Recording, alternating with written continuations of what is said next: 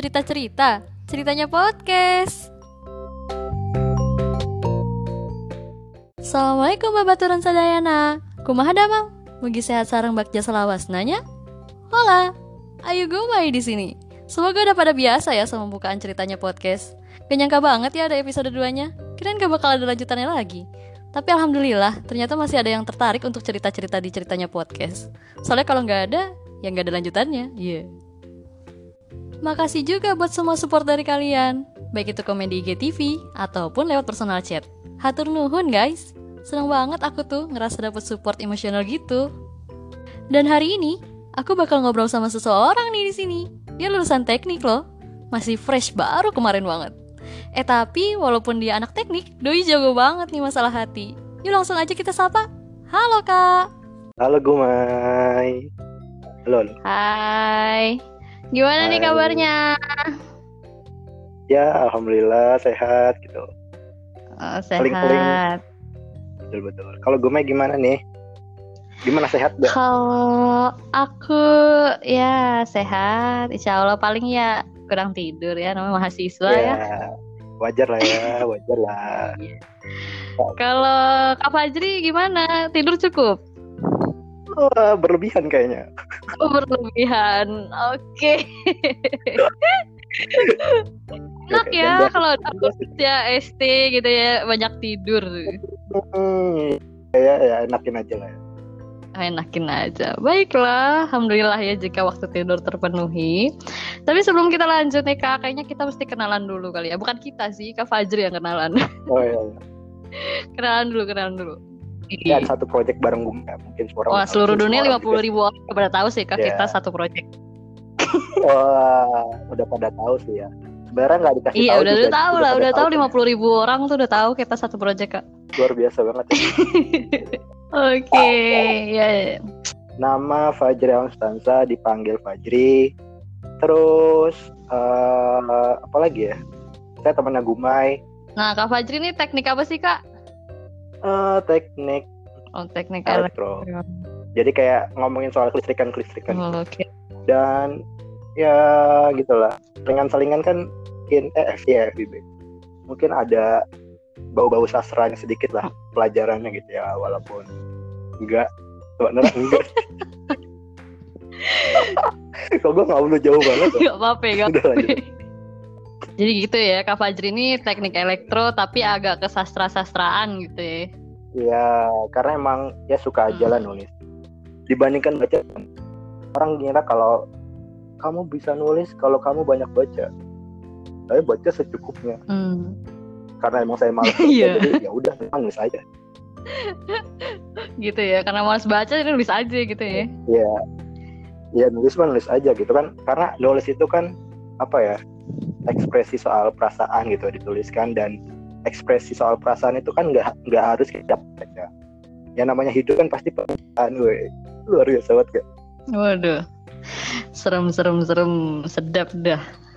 Oke, jadi mungkin itu ya sedikit gambaran tentang Kak Fajri ini ya. Dan kita bakal langsung masuk nih ke cerita-cerita ya kan, because ini ceritanya podcast, jadi kita bakal cerita-cerita. Iya. Cerita, ya. cerita hari cerita ini kita bakal membahas hal yang berkebalikan dari kemarin. Kalau yang kemarin di podcast pertama itu kan kita membahas tentang bahagia ya. Oh. Tapi hari ini ya, hari ini, hari ini berbeda guys. Hari ini kita akan membahas tentang kecewa guys. Wah. Kecewa. Kemarin Wah, lagi enak-enaknya bahagia, sekarang kita bahas tentang kecewa. Oke. Okay. kita langsung masuk aja kali ya, Kak ya. Uh, jadi yang pertama nih Uh, aku mau nanya dulu. Boleh, boleh. Kecewa tiap orang kan pasti beda-beda ya. ya. Tapi kalau kecewa versi Kak Fajri itu apa sih? Gimana sih kecewa itu? Kecewa ya. Kalau menurut saya, kecewa itu adalah perasaan yang tertuang atau yang dirasa ketika kita sudah berharap pada sesuatu gitu dan berharap atau berekspektasi tapi pada akhirnya yang ditampakkan pada kenyataan itu dia di luar dari harapan kita, di luar dari ekspektasi kita. Barulah timbul yang namanya kecewa. Dan yang namanya kecewa ini, menurut saya itu nggak bisa tuh kita hindari dan nggak bisa tuh kita apa ya namanya yang nggak bisa kita tolak itu kedatangannya karena ya kecewa itu menurut saya adalah bagian dari hidup jadi selama kita hidup ya pasti ada aja kecewa. Nah jadi kalau misalkan kecewa menurut Kak Fajri itu kurang lebih ya kurang lebih aku nangkepnya ketika uh, ekspektasi itu tidak sesuai realita yang ada realita yang kita alami gitu ya. Hmm. Oke. Okay. Ya dan ini sih yang namanya kecewa juga apa ya kita nggak bakal bisa lepas gitu karena kan yang namanya ekspektasi yang namanya berharap gitu kan pasti yang namanya manusia kan hidup kan pasti penuh dengan harapan gitu kalau nggak ada harapan sama sekali ya ngapain hidup ya entah apa pun itu ya harapan harapan mau apa gitu ya kan pasti namanya hidup kan punya alasan alasan itu kan lahir ketika kita udah berharap pada mm-hmm. ya emang dalam, hin- dalam, dalam hidup ini emang selalu ada harapan gitu ya. cuma nggak selalu itu sesuai nggak iya, selalu betul. itu sejalan gitu betul. ketika itu nggak maka kita kecewa ya oke okay. Ya. nah uh, tadi kan udah ya kecewa versi Kak Fajri nih Nah sekarang pengen nanya sih, uh, ada nggak sih kira-kira momen yang paling mengecewakan gitu buat Kak Fajri selama hidup gitu? Paling mengecewakan ya? Paling mengecewakan. Uh, ini Oh ya. Boleh. Sebelumnya saya mau ngomong dulu nih. Kadang ya, kan saya tadi agak-agak agak-agak bingung, agak-agak lupa gitu pas disuruh milih ya, mungkin disuruh milih apa sih momen paling mengecewakan gitu. Saya sering ngerasa bahwa kenapa sih alasan kita kadang suka lupa gitu. Kita suka lupa yang namanya ketika ditanya apa e, hal paling apa yeah. sih yang mengecewakan kalau tadi ya atau hal paling apa sih yang paling menjadikan dalam hidup segala macamnya itu kenapa kita sering lupa buat menyebutinnya kita sering lupa untuk mencari ingat-ingatnya hmm. yang menurut saya ya lupanya di sini. Itu karena emang pada akhirnya kecewaan itu ya udah digantikan dengan yang baik gitu. Berarti nggak? Mesti kayak ketika kita udah kecewa terus kita lupa dengan momen kecewa itu ya berarti Allah sudah menggantinya dengan yang lebih baik. Karena ya pada umumnya lupa itu kan uh, alasannya ada dua ya. Yang pertama karena emang dia amnesia atau karena emang dia pikun. Dan satu lagi tuh lupa karena kita lagi bahagia gitu yang namanya bahagia pasti suka lupa dengan suatu hal yang gak enak gak enak. Dan salah satunya kecewa. Mungkin alasan-alasan kenapa orang-orang itu pada lupa momen-momen kecewa lupa momen-momen menyedihkan ya. Karena ya momen-momen itu momen-momen yang mengecewakan yang menjadikan itu udah diganti sama Allah yang lebih baik. Yang pada akhirnya kita lupa gitu. Ya nggak sih? Kayak misalkan ini. Uh, lo kecewa nih sama diri sendiri karena dulu pernah bukan dulu mungkin beberapa waktu lalu tuh uh, ngerjain UTS gitu ya. Ngerjain UTS padahal lu bisa cuman lu kecewa karena uh, gue nggak bisa. Kok gue kurang teliti ya? Aduh gue kecewa banget nih padahal gue bisa nih. Terus lu ya pada akhirnya lu berharap itu semoga ya walaupun gue nggak teliti segala macam ya nilai gue tetap baik. Dan pada akhirnya Allah menggantikan itu dengan yang namanya apa ya? Uh, lu nggak sekedar dapat nilai baik nggak nggak sekedar cuman lulus gitu nggak sekedar lulus matkul itu tapi bahkan mungkin nilai lu lebih dari uh, batas minimal lah gitu.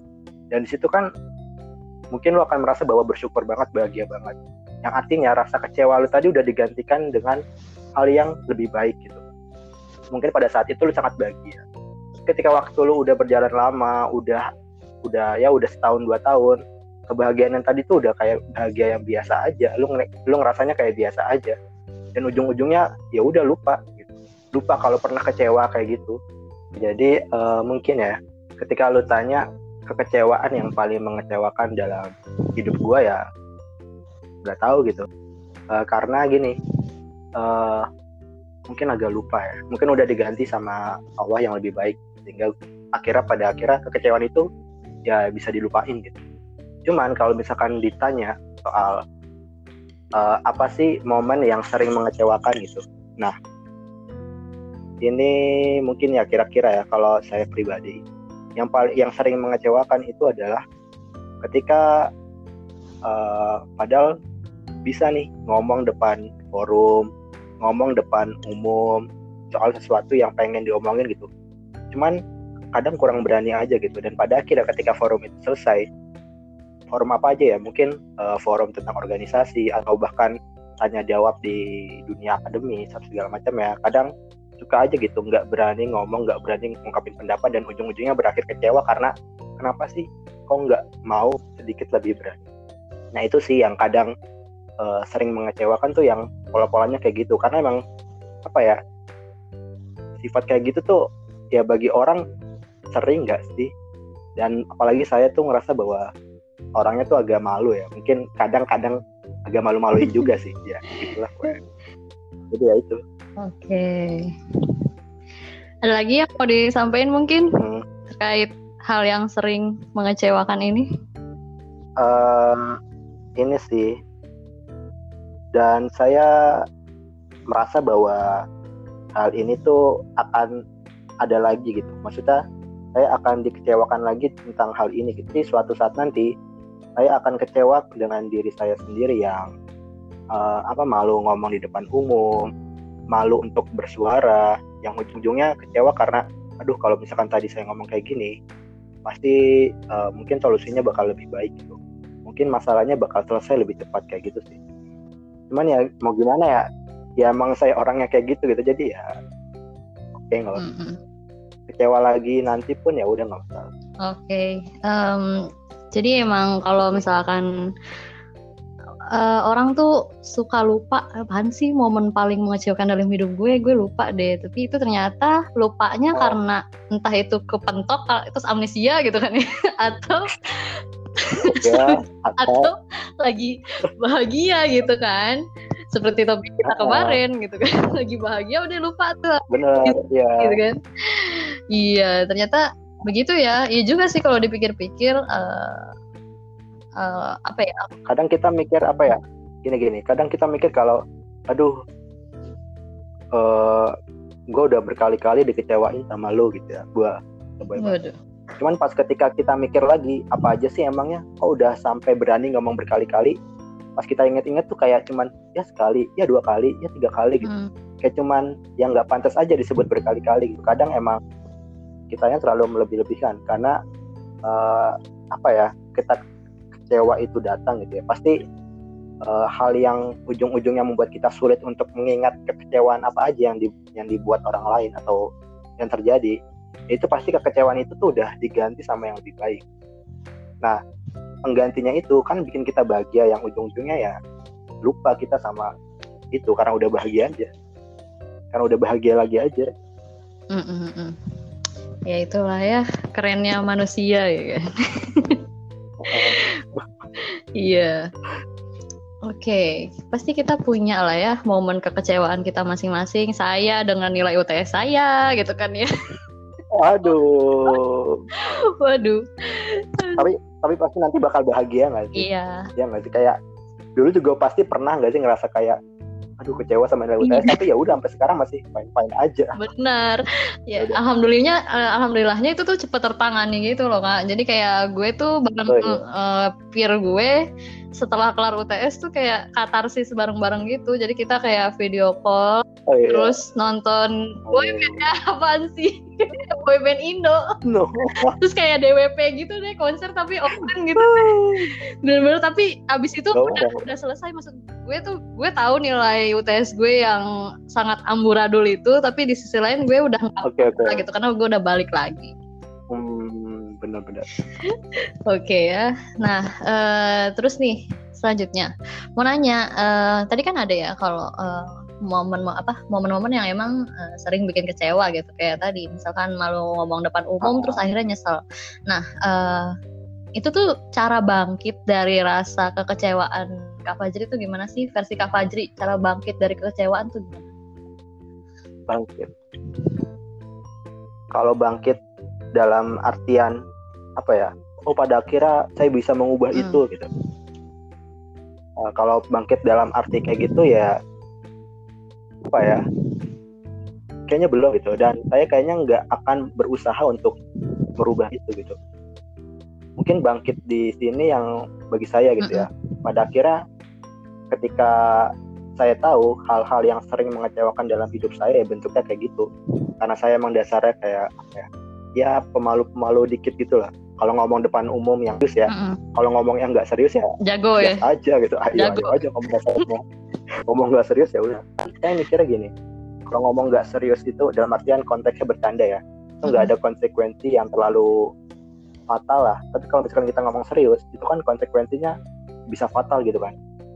Apalagi kalau misalkan nggak dipikirin dulu. Makanya ya kadang hal-hal kayak gitu yang suka nahan saya buat bisa bicara gitu. Dan ujung-ujungnya ya walaupun nyesal juga tapi hal-hal kayak gini tuh apa ya menurut saya ngata bukan dengan mengubah ya dalam artian uh, ayo dong Fajri uh, ber lebih berani dong ngomong gitu lebih bisa dong terbuka gitu di depan umum di depan forum gitu gitu ya bangkit yang saya usahakan tuh bukan kayak gitu karena saya merasa bahwa ketika saya udah berubah untuk itu itu udah ya bukan saya lagi gitu ya. Makanya di sini bangkit yang saya yang saya usahakan itu adalah mencoba menerima saya yang kayak gitu. Mencoba apa ya istilahnya? Ya berdamai dengan rasa kecewa yang tadi gitu. Karena saya tahu gini ini adalah saya dan sifat kayak gitu tuh nggak bisa saya hindari. Maka ketika nanti akan terjadi lagi cara mengatasinya bukan berusaha menghilangkan kecewanya tapi setelah kecewa itu terjadi ya saya harus apa gitu karena kan gini saya merasa bahwa apa ya mungkin agak naif gitu ya. Ketika saya ngomong berdamai dengan kecewa. Aduh gimana caranya? Naif sekali anda berdamai dengan kecewa. Tidak ada istilahnya. Tidak ada istilahnya. Buku-buku tentang itu ya nggak tahu ya kan mungkin kayak gitu. Susah sekali ya. Namanya usaha gitu kan. Tapi ya saya lebih memilih berusaha untuk kayak gitu dibandingkan eh berusaha untuk menghilangkan kecewanya. Karena ketika saya berusaha untuk menghilangkan kecewanya berarti saya berusaha untuk menjadi orang yang terbuka. Dan ketika saya berusaha untuk menjadi orang yang terbuka ya saya merasa bahwa itu bukan saya banget gitu. Jadi ya bakal lebih naif lagi kalau misalkan saya berusaha untuk menjadi orang yang terbuka gitu.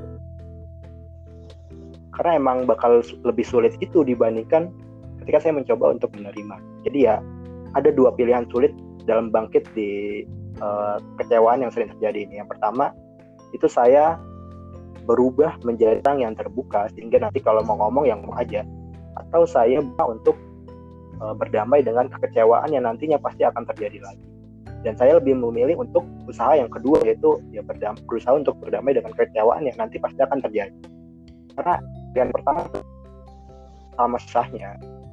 Cuman ya saya merasa di situ bukanlah saya gitu itu sih jadi ketika apa ya istilahnya ya berdamai dengan kecewa uh, manajemen kecewa lah jadi ketika kita mau kita tahu nih kita bakal kecewa karena kita udah sering terjadi kayak gitu sering jarang apa sering nggak mau terbuka depan umum kita tahu nih habis kecewa mau ngapain oke okay. gitu sih mungkin ada ada orang yang ada orang yang bilang okay. gini um, mencegah lebih baik daripada mengobati gitu kan jadi dalam artian kecewa dalam artian mm -hmm. kecewa kalau bisa ya kecewanya dicegah.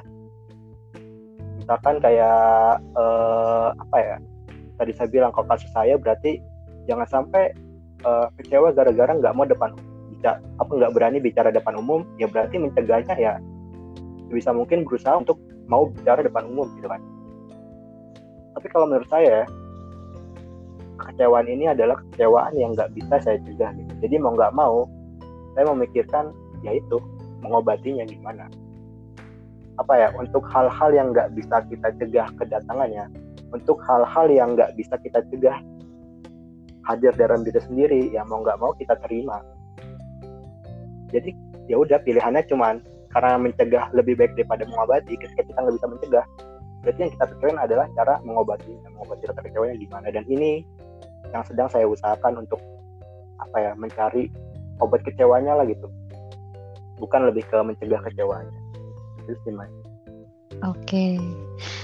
Uh, sebenarnya menarik banget ya. Kalau uh, aku sih narik kesimpulan uh. gitu ya, narik kesimpulan dari uh, apa yang tadi Kak Fajri ceritakan gitu ya kan. Uh, aku di sini ngambil beberapa poin, berapa ya? Aku tidak menghitung, tapi aku udah mendapat poin gitu. Jadi yang pertama itu tuh kayak uh, kita mengenali, uh, mengenali sebenarnya apa sih yang yeah. kita kecewain dan sebenarnya yang paling uh, mengenal diri sendiri dulu sih, mengenal diri sendiri dulu. Jadi benar, benar. lu tuh kelebihan lo apa kekurangan lo apa Oh. kalau tadi kan kekurangannya oh iya gue nggak bisa ngomong gitu kan jadi emang ngenalin dulu nih gue sadar kalau gue itu nggak jago ngomong Iya. depan umum itu sadar dulu gitu urusan diterima atau enggak itu ke step selanjutnya gitu step selanjutnya adalah kita bisa nerima kekurangan kita apa enggak gitu tadi gue nangkepnya begitu Ya, itu kan ya gitu sih. Maksudnya kan eh, untuk kasus Queen tadi kan kecewa karena diri sendiri ya. Kalau kecewa karena orang lain mungkin apa ya Mm-mm. cegahnya tuh kayak ya udah. Ya namanya kecewa karena orang lain kan ya gak bisa kita cegah gitu loh. Karena ya orang lain mau ngapain pun kita bakal sulit buat ngatur ya. Jadi mau nggak mau karena kita nggak bisa cegah. Ya berarti kita pikirkan obatnya itu. Walaupun karena ya walaupun pepatah mencegah lebih baik daripada mengobati kalau nggak bisa kita cegah ya berarti yang kita pikirkan adalah obat kecewanya itu sih dan kecewa adalah salah satu eh, Oh, iya. apa ya yang pertama saya bilang kecewa adalah salah satu bagian dari kehidupan yang kedatangannya tuh nggak bisa kita cegah pasti bakal selalu ada Mm-mm. Iya bener banget. Ke setuju sih sama Kak Fajri bahwa kecewa itu adalah rasa yang sebenarnya eh, agak Oh. nggak bisa dikontrol ya. Kalau apalagi itu Iya. dari dunia eksternal kita gitu kan. Dunia eksternal tuh maksudnya ya kayak dari temen kah, orang tua, eh, keluarga Betul. besar, Lu- nenek gitu kan. Nanya kapan nikah. oh, Wah. jauh sekali oh iya kan benar biasanya kalau udah lulus ditanya Iya sih. gitu lu nggak ditanya. keluarga gue kayaknya mengerti sih Oh enggak, Bang. Paham paham Oh paham ya. Oke. Iya, jadi eh, apa ya itu sesuatu yang nggak bisa kon- kita kontrol dan kita harus menyadari bahwa itu tidak Hmm. bisa dikontrol. Makanya kita yang eh, eh, apa ya Ya. mencari sendiri kira-kira harus apa ketika kecewa itu terjadi gitu ya. Kira-kira. Nah, oke deh. Tadi kita udah bahas kecewa versi Kak Bajri, terus udah lihat momen-momen apa sih yang kira-kira sering mengecewakan dan cara bangkitnya bagaimana gitu kan. Nah, eh, kita udah sampai di Iya, iya, iya. ujung gitu kan. Karena finish. sudah di ujung artinya closing What? statement. Gak ada oh yang dimatiin dulu. kirain ini apa kafaratul majlis ya Closing statement. Aduh, udah di ujung kan? Riko dong. Oke. lanjut apa apa sih Closing, closing statement statement. guys. eh, ini sih Mm-mm. buat orang-orang yang sedang kecewa ya udah selamat gitu karena apa ya Diselamatin nih. Tumpengan gak nih kita? gini gini tadi dulu anda jangan maksud itu lah gini, gini. Kecewa itu adalah bentuk apa ya bentuk kasih sayang Allah gitu ya bentuk kasih sayang Allah untuk memperingatkan kita pada sesuatu yang salah. Kecewa adalah bagian dari jawaban Allah ketika kita sedang melakukan sesuatu gitu. Ketika kita sedang berharap atau berekspektasi sesuatu. Ya walaupun jawaban yang kita harapkan ya nggak sesuai ekspektasi. Ya namanya juga kecewa gitu ya. Harapannya ya itu. Tapi Mm-mm. lebih baik apa ya lebih baik kita tahu bahwa ini kan kita tetap berjalan pada sesuatu yang salah cuman nggak tahu gitu loh. Jadi ya selamat pada akhirnya kamu tahu kamu mendapatkan jawaban dari apa yang kamu lakukan. Walaupun jawaban itu tidak sesuai dengan yang kamu harapkan. Seenggaknya kita tahu itu salah. Daripada kita nggak tahu kalau itu salah. Lebih bahaya lagi kan? Dan Iya, benar. ya itu sih. Apa ya? Oh ini.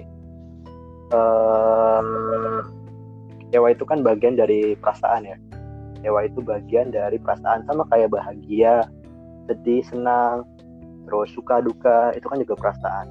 Dan kecewa ya bagian dari perasaan itu. Dan yang namanya eh, hati itu kan rumah dari semua perusa- perusahaan. Semua perasaan manusia. Perusahaan. yang namanya Tahu-tahu hati. udah lu perusahaan Allah. ya antum. dikira apply apply perusahaan mulu nih. Mohon maaf. Jadi oh tiba-tiba langsung ke sana gitu. Waduh. ya gitu namanya hati itu rumah bagi setiap perasaan. Gitu kan. Nah, terus gimana nih? Eh apa ya? Mengantisipasi atau gimana kita memperlakukan rasa kecewa tadi? Kan dia bagian dari perasaan-perasaan yang menghuni rumah hati kita gitu ya udah jadilah pemilik rumah yang baik pemilik rumah yang baik itu adalah pemilik rumah yang memperhatikan setiap uh, anggota keluarganya gitu kan. Dan kecewa itu adalah bagian dari rumah hati di mana berarti ketika dia datang ya kita sambut aja dengan baik gitu. Kita terima kita diskusikan. Karena kalau misalkan kita tolak kedatangannya gitu kan padahal kecewa adalah bagian dari uh, anggota keluarga hati lah gitu dalam tanda kutip. Itu dia pasti bakal apa ya sesuatu yang harusnya harusnya masuk tapi nggak kita izinkan masuk ya berarti dia akan maksa masuk ya.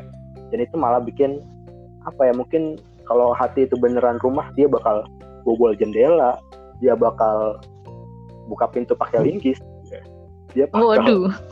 dia bakal teriak-teriak di luar gitu. Dia bakal pokoknya pokoknya minta-minta minta-minta cara lah gimana caranya dia, dia bisa masuk karena dia merasa bahwa hati adalah rumahnya dia. gitu. Daripada kita mengunci dia di luar terus melakukan hal-hal tadi yang bikin pusing gitu kan. Lebih baik kayak ya udah sambut hmm. baik-baik. Kita kasih kue kering ya kita kasih teh anget kita kasih dia ya? nonton TV iya. Pokoknya kita sambut lah. Karena pada akhirnya uh, itu tadi kecewa adalah salah satu bagian dari anggota keluarga hati ya. Dalam tanda kutip ya. Mantap. Itu sih. Makanya okay. ketika dia datang ya udah masuk izinkan dia masuk bicarakan baik-baik ya udah. Ketika kecewa itu datang ya sambutnya dengan baik. Sehingga ketika dia kedatangannya itu membawa masalah maka kepulangannya nanti dia akan mendapatkan jawaban. Maka ketika dia datang lagi ya mungkin dia akan bisa lebih mandiri. Dalam artian nggak ngeganggu perasaan eh, perasaan-perasaan kita yang lagi main-main di dalam rumah lah yang lagi bahagia mungkin lagi tidur siang. Pasti gue? Sedih lagi nonton TV gitu. Apalagi uh, rasa rasa suka kita lagi uh, main HP gitu. Jadi kedatangannya tuh nggak ngeganggu perasaan-perasaan kita yang lain. Dia bisa lebih mandiri kalau misalkan dari awal kita udah memperlakukan kecewa dengan baik gitu. agak gimana gitu ya oke. Okay. ada lagi yang mau ditambah? Sih ditambahkan nih? Nasi goreng kali. Oke. Okay. uh, mungkin ini ya mungkin tambah ini ya Mai. Apa uh, cabainya dua. Ya enggak banget. Enggak enggak ini udah okay. udah. Lanjut lanjut. Astaga. Oke. Okay. ya.